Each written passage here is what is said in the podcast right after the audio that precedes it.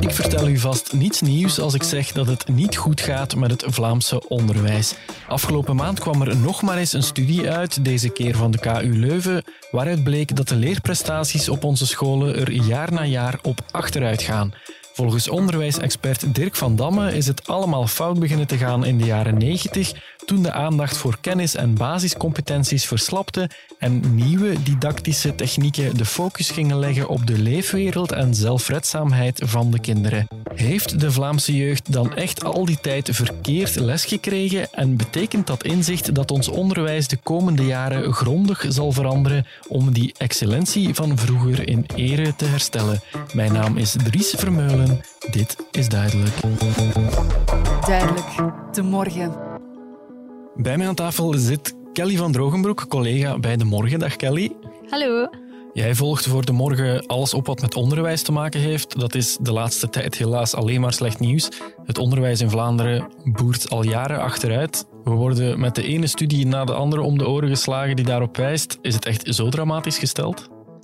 Ja, dat de kwaliteit aan het dalen zou zijn, dat merken we eigenlijk al uit verschillende studies die de afgelopen jaren zijn verschenen. Je hebt een paar uh, internationale studies, bijvoorbeeld de PISA-studies, de Pearls en de TIMS uh, voor verschillende vakken.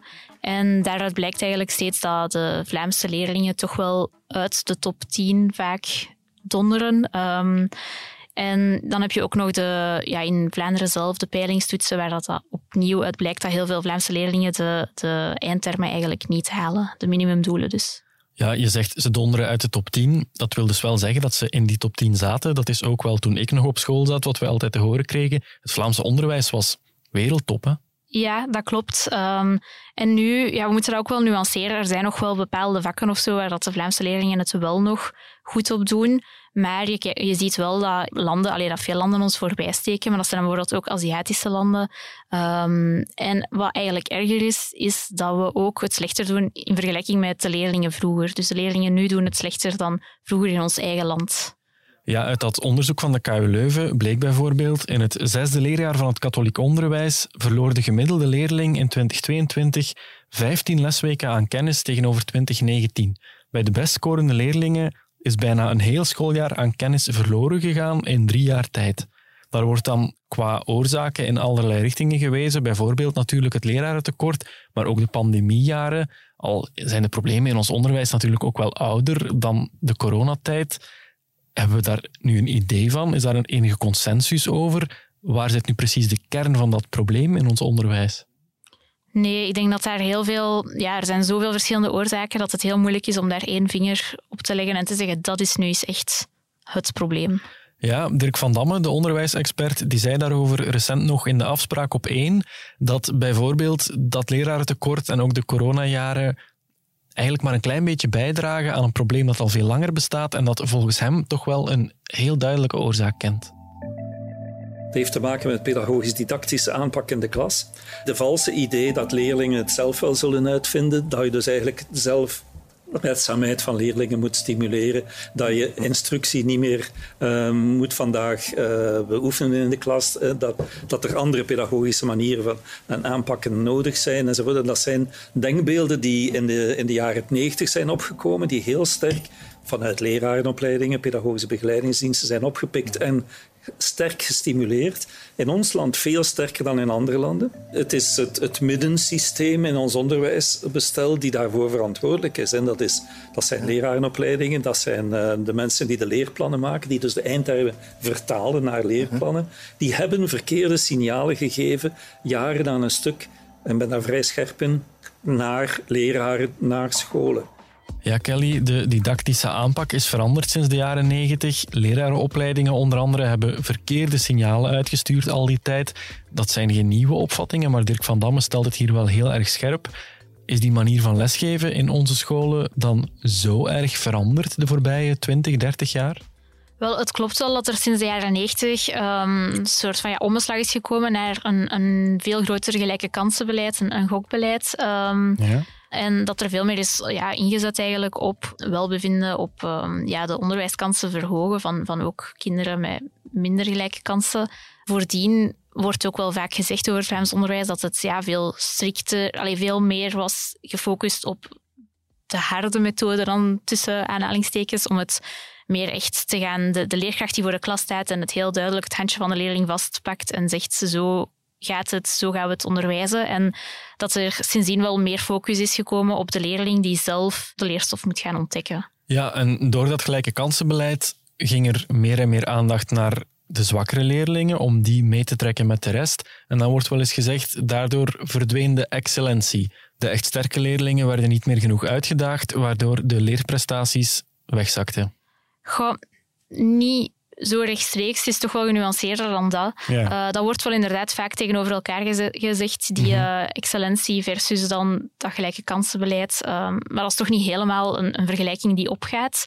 Het gaat eerder over een andere manier van, van lesgeven dan dat het echt gaat over een focus op de ene groep ten koste van de andere groep. Dus meer over de leerling die zelf moet gaan ontdekken. En dan ook handboeken die daarop zijn afgestemd, lerarenopleidingen die daar inderdaad wel op zullen zijn Allee, afgestemd. Ja, en wat houdt dat dan concreet in? Vertrekken vanuit de leerling zelf? Hoe wordt er dan precies anders lesgegeven nu in de klas dan vroeger? Wel, dat betekent dat de leerkracht bijvoorbeeld meer als coach gaat optreden en meer gaat kijken naar waar dat de leerling zelf in geïnteresseerd is, waar dat de sterktes van de leerling liggen en dan dat de leerkracht die als coach eigenlijk meeneemt in die interesses. Terwijl ja, omgekeerd zou het zijn dat de leerkracht zegt nee, het is dit dat je moet kennen, ongeacht of dat dan nu een interesse of een vaardigheid is dat de leerling al zelf beheerst.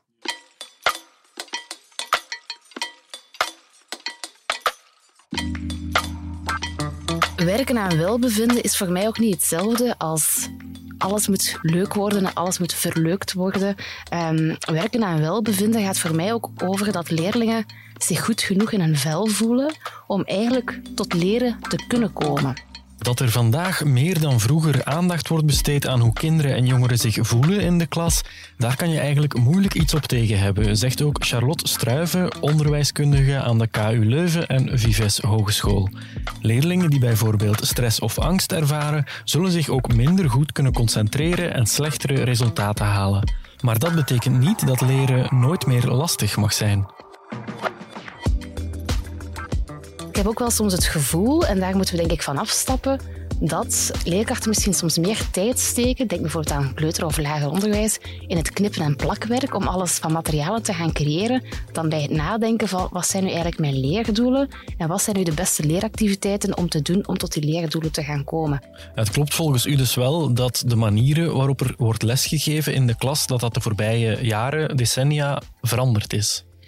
Ik denk wel dat dat veranderd is, dat klopt. Maar ik weet ook niet of het zozeer ik durf nooit te spreken over een slinger die doorslaat. In die zin van, er zijn ook zoveel verschillen in scholen. Er zijn zoveel mm verschillen tussen leerkrachten. Ik denk bij sommige leerkrachten inderdaad, die hebben daar misschien wat meer feeling voor. Die hebben meer belang of die vinden meer, gaan meer aandacht besteden aan die creativiteit en aan die originele lessen te gaan ontwikkelen. Terwijl anderen dat ook wel ja, niet zo gevoelig voor waren om die slinger te laten doorslaan. Dus in die zin is dat doorgeslaan bij ons allemaal. Dat vind ik wel een heel harde uitspraak. Maar het is wel een feit dat we misschien soms wel wat meer aandacht hebben gelegd op originaliteit dan dat we dat vroeger deden. En dat dat misschien wel ja, aandacht heeft weggenomen van de kern van de zaak, namelijk wat zijn mijn leerdoelen, wat zijn de beste leeractiviteiten om tot daar te gaan geraken. Mm Bent u het eens met uh, ja, die, die, die zesjescultuur, zoals het wel eens genoemd wordt, dat het allemaal een beetje te makkelijk is geworden voor leerlingen op school? En bijvoorbeeld het van buitenblokken, van maaltafels en dat soort dingen, dat dat te veel naar de achtergrond is verdwenen? Opnieuw, ik denk dat dat niet altijd naar de achtergrond is ge, uh, verdwenen. Ik denk dat er leerkrachten zijn die daar nog wel het belang van inzien en daar nog effectief mee aan de slag gaan in de klas. Dus ik denk dat er sommige leraren misschien wel wat gevoeliger zijn om dat, die moeilijkheid uit de handen van leerlingen te nemen dan anderen. Mhm. Maar ik denk inderdaad wel dat het belangrijk is dat we dat blijven aanbieden. Die moeilijke leermomenten, bij wijze van spreken, uiteraard. Er wordt ook gezegd bijvoorbeeld dat leerlingen, dat de prestatiemotivatie, of er wordt gezegd, het onderzoek toont dat aan, bijvoorbeeld de PISA-studie stond aan, dat de prestatiemotivatie bij onze leerlingen vrij laag ligt. Mhm. Vrij laag ligt uh, in vergelijking ook met andere landen.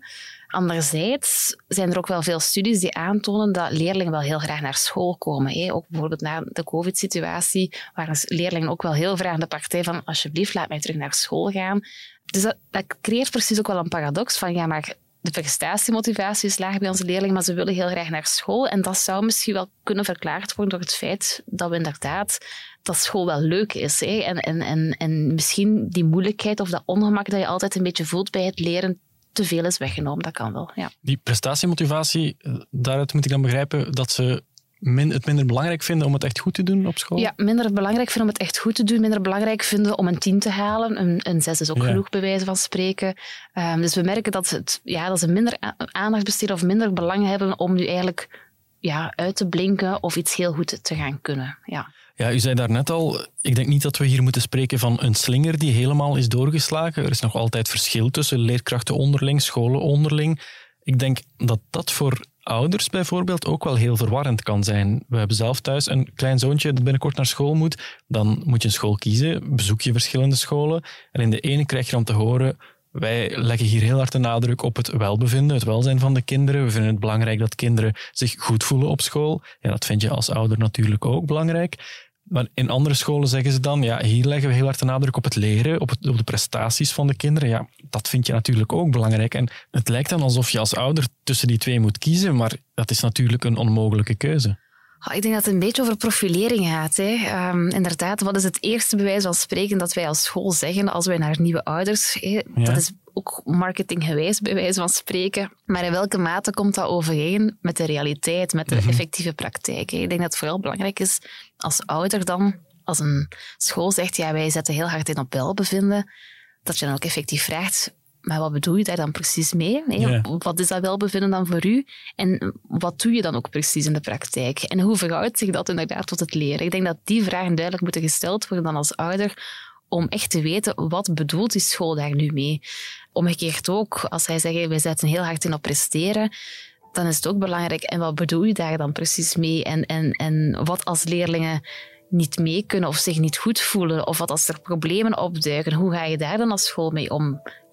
Ja, ga je gewoon als een trein door, bij van spreken? Of ga je daar ook aandacht aan besteden?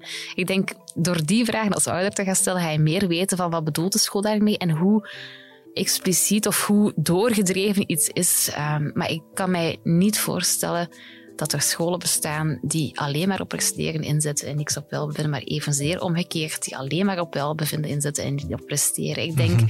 dat het altijd om de mix van de twee gaat gaan, maar misschien hoe doorgedrevener ben je in het ene of het andere. Dat zal denk ik het verschil maken. Maar een school die maar aandacht besteedt aan één van de zaken, die denk ik, ben ik nog nooit tegengekomen.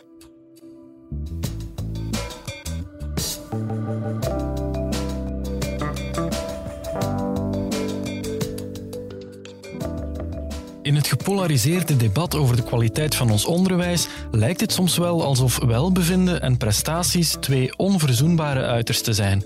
Nochtans hoeft aandacht voor het emotionele welzijn en de leefwereld van kinderen helemaal niet te betekenen dat ze niet meer tot excellentie te bewegen zijn. Sterker nog, de twee kunnen niet zonder elkaar, zegt ontwikkelingspsychologe Jantine Spilt van de KU Leuven. Ik denk vaak dat dat tegenover elkaar gezet wordt, het welbevinden van het kind en die focus op leren en de cognitieve ontwikkeling van een kind. Terwijl we eigenlijk vanuit de literatuur weten dat die twee heel veel met elkaar samenhangen intellectueel uitgedaagd worden is heel belangrijk voor kinderen. Worden kinderen ook gelukkig van. Als ze gestimuleerd worden om, om, um, om intellectueel na te denken. Als dat onder hun niveau is, en dan worden ze er ongelukkig van. Is dat boven hun niveau, dan worden ze er ook ongelukkig van. Kinderen worden net gelukkig van intellectuele uitdaging op niveau, zegt professor Spilt.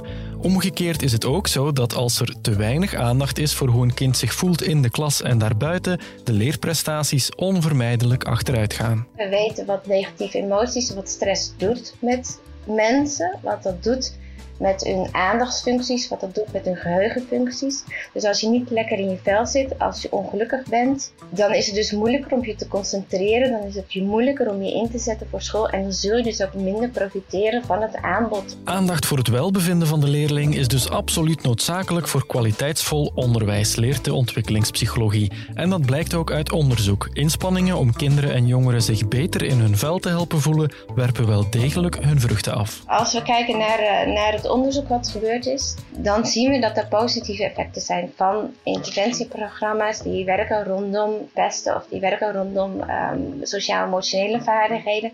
dat die positieve effecten hebben op kinderen. En ik heb nog nooit in de literatuur gezien dat die negatieve effecten zouden hebben op leerprestaties. En ehm, het onderzoek wat beschikbaar is, maar dat is vooral Amerikaans onderzoek, denk ik, die laat ook zien dat wat je investeert in dat sociaal-emotioneel functioneren, dat dat op lange termijn sociaal-economisch effectief is, dus ook kosteneffectief. Wat niet betekent dat er niet ook aandacht moet zijn voor taal en rekenen. En dat ook dat onderwijs kwaliteitsvol moet zijn, uiteraard.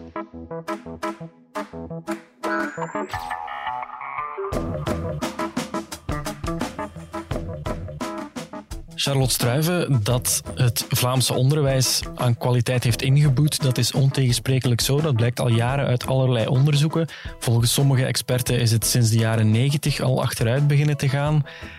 Om het even heel dramatisch te stellen, wil dat dan zeggen dat eigenlijk een hele generatie kinderen en jongeren misschien wat ondermaats onderwijs heeft gekregen in vergelijking met vroeger? Goh, ik denk inderdaad dat dat heel dramatisch klinkt. Um, maar dat er optimalisatie mogelijk is, dat is zeker het geval. Dat was twintig jaar geleden ook het geval. Want we zeggen nu eigenlijk vaak, of de de uitspraak is vaak dat de slinger is doorgeslagen. Dus eigenlijk zeggen we daarmee dat de slinger voordien aan de andere kant stond. Wat misschien ook niet ideaal was. Ja, ik denk te hard ook, kennisgericht onderwijs. Ik denk dat er heel veel mensen ook wel terugdenken aan hun eigen jeugd. En ook denken van, ja, ik heb daar toch een aantal dingen moeten doen of geleerd waar ik mij toch ook nu wel vragen bij stel. Hè. Dus ik denk mhm. niet dat we helemaal willen terugslingeren naar die kant, omdat er ook wel valkuilen zijn aan dat heel kennisgericht uh, te, te, te gaan onderwijzen. Want onze samenleving is niet louter meer kennisgericht zoals vroeger. Hè. De vaardigheden worden alsmaar belangrijker. Sociale vaardigheden, taalvaardigheden. Heel veel zaken worden wel belangrijk nu ook, dat misschien vroeger wat minder het geval was. Dus in die zin zou ik niet zeggen dat het vroeger allemaal beter was. Hm. Ehm, maar dat we misschien op zoek moeten gaan naar, naar een nieuw evenwicht, daar kan ik mij wel in vinden. Dat wel. Ja, hebt u het gevoel dat we hier voor een ommekeer staan in dat Vlaamse onderwijs? Je hoort bijvoorbeeld de minister van Onderwijs, Ben Wijts, vaak zeggen we moeten weer die excellentie voorop stellen, kennis opnieuw eh, belangrijker maken. Heel wat onderwijsexperten zeggen hetzelfde. Uit de commissie Beter Onderwijs bijvoorbeeld kwamen gelijkaardige conclusies. Hebt u het gevoel dat de manier waarop er in onze scholen wordt lesgegeven, dat dat de komende jaren grondig zal veranderen? Een moeilijke vraag, omdat beleid en praktijk misschien niet altijd op of een één-één relatie hebben, als ik het zo mag zeggen. Mhm. Ehm, er wordt inderdaad wel, om toch nog de slinger ter, ter sprake te brengen, um, wordt er wel vaak gezegd, we zijn te veel doorgeslingerd naar de ene kant. Nu, heel veel leerkrachten zijn niet meegeslingerd, als ik het zo mag zeggen. Het is misschien wel aangereikt door uh, dat middenveld, maar dat wil daarvoor niet zeggen dat het effectief heeft ingedaald in de praktijk effectief. Ik denk, er wordt ook heel vaak uh, in de media de laatste tijd verwezen naar pedagogen die dus die slinger hebben veroorzaakt. Maar ik denk in heel veel discussies of waar, waar er beslissingen worden genomen, worden pedagogen eigenlijk heel vaak niet betrokken. Dus pedagogen hebben niet echt het gevoel van wij hebben altijd vat op die praktijk. Mm Toekoer ben ik ook al een beetje wantrouwig tegen die van de pedagoog, want er zijn ook heel veel verschillen binnen de pedagogen zelf, als ik het zo mag zeggen. Dus in die zin weet ik niet zozeer of dat, dat allemaal zo simpel is. We gaan even doorslingeren vanuit het beleid naar de andere richting terug, de tegenrichting gaan doen en daardoor zal het allemaal in de praktijk zo gaan volgen. Er wordt al vaak gezegd over het onderwijs is een tanker. Dat komt ook hierin aan bod. Het beleid dat is één ding, maar het volgen daarvan uh, is, is iets anders soms. En uh, dat maakt het moeilijk, maar dat maakt het ook wel mooi aan ons onderwijs. We hebben veel vrijheid van onderwijs. Ik denk dat we daar heel mooie dingen mee kunnen gaan realiseren. Ik denk dat dat wel ook heel belangrijk blijft. Maar dat zorgt er natuurlijk wel voor dat we die, of de minister de, de verantwoordelijkheden en de taken die hij heeft, in welke mate hij onmiddellijk die praktijk effectief gaat kunnen aansturen, ja, dat lijkt mij wel niet zo evident. Dus ik denk, beleid is één ding, maar wat gaat er nog volgende praktijk is iets anders. Maar ik denk wel dat vanuit het beleid die beweging wordt ingezet. Alleen hoop ik dat we niet te veel terugslingeren naar de andere richting. Mhm. Maar bent u het ermee eens dat, ja, waar we deze podcast mee begonnen zijn, dat die nieuwere didactische methodes, dat die mee aan de basis liggen van het kwaliteitsverlies en dat daar dan ook voor een stuk de oplossing zal liggen? Dat is heel moeilijk aan het onderwijs. Het onderwijs bestaat uit heel veel, heel veel lagen, heel veel aspecten. En er is, net zoals we altijd zeggen, van er is geen one silver bullet om het onderwijs te gaan oplossen. Ja, is er ook geen one single reason waar, waarom het eigenlijk misschien minder gaat. Hè? Dus in die mhm. zin geloof ik niet dat als wij nu heel dat pedagogisch-didactische terug onder de loep gaan nemen en daar de juiste beslissingen gaan maken, wat die beslissing dan ook mag zijn, maar daar de juiste beslissingen maken, dan geloof ik niet dat wij zomaar plots het, het meest fantastische onderwijssysteem gaan hebben. Um, er zijn ook nog andere wel uitdagingen waar we voor staan. Ik bedoel, lerarentekort. Als er geen leraren zijn, zijn er natuurlijk ook geen mensen om uh, die pedagogisch-didactische methoden waar we voor kiezen dan uh, te gaan uitvoeren. Dus ja, het zijn allemaal aspecten. Ik denk dat, wij, dat het heel belangrijk is dat wij op heel veel fronten nu inzetten. dat wil zeggen op de lerarenopleiding, op het leraarberoep te koer, het loopbaanpact, op inderdaad de pedagogisch-didactische, de echte kern van ons onderwijs ook te gaan bekijken. Ik denk dat we heel veel zaken moeten gaan doen en niet zozeer denken dat we door één werf, als ik het zo mag zeggen, in ons onderwijslandschap, door die ene werf op te lossen, dat eigenlijk dat er een volledige nieuwbouw gaat staan, bij wijze van mhm. spreken. Ja. Oké. Dat lijkt me een goede conclusie. Ja. Charlotte Strijven, dank u wel. Met plezier.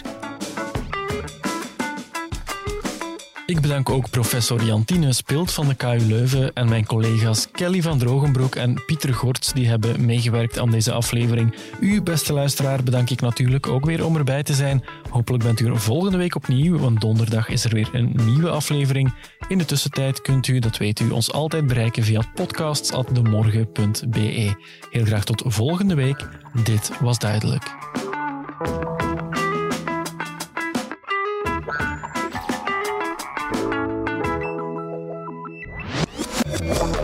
Duidelijk, de morgen.